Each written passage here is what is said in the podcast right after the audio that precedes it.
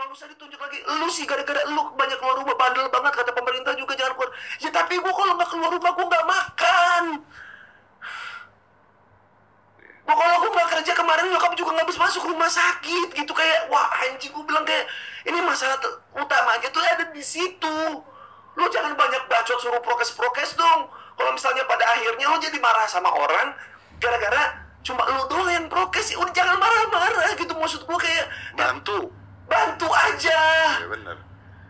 Benar. Bantu kalau udah dibantu mereka nya kurang ajar atau mereka nya tetap boleh nggak marah gitu kan? Iya, maksud kan. gua kayak- Nah, Tuh juga kalau lu pendekatan lu juga dengan cara yang baik tanpa nyinyir tanpa masker lu mana gampar masker lu mana pukul nggak nggak jadi apa-apa ya benar nggak gitu. jadi apa-apa benar. Akhirnya malah ya, balik-balik lagi pemerintah kita kesian loh. Pemerintahnya kesian masyarakatnya kesian semuanya kesian. Jadi bingung gitu maksud gua kayak ya yang bahagia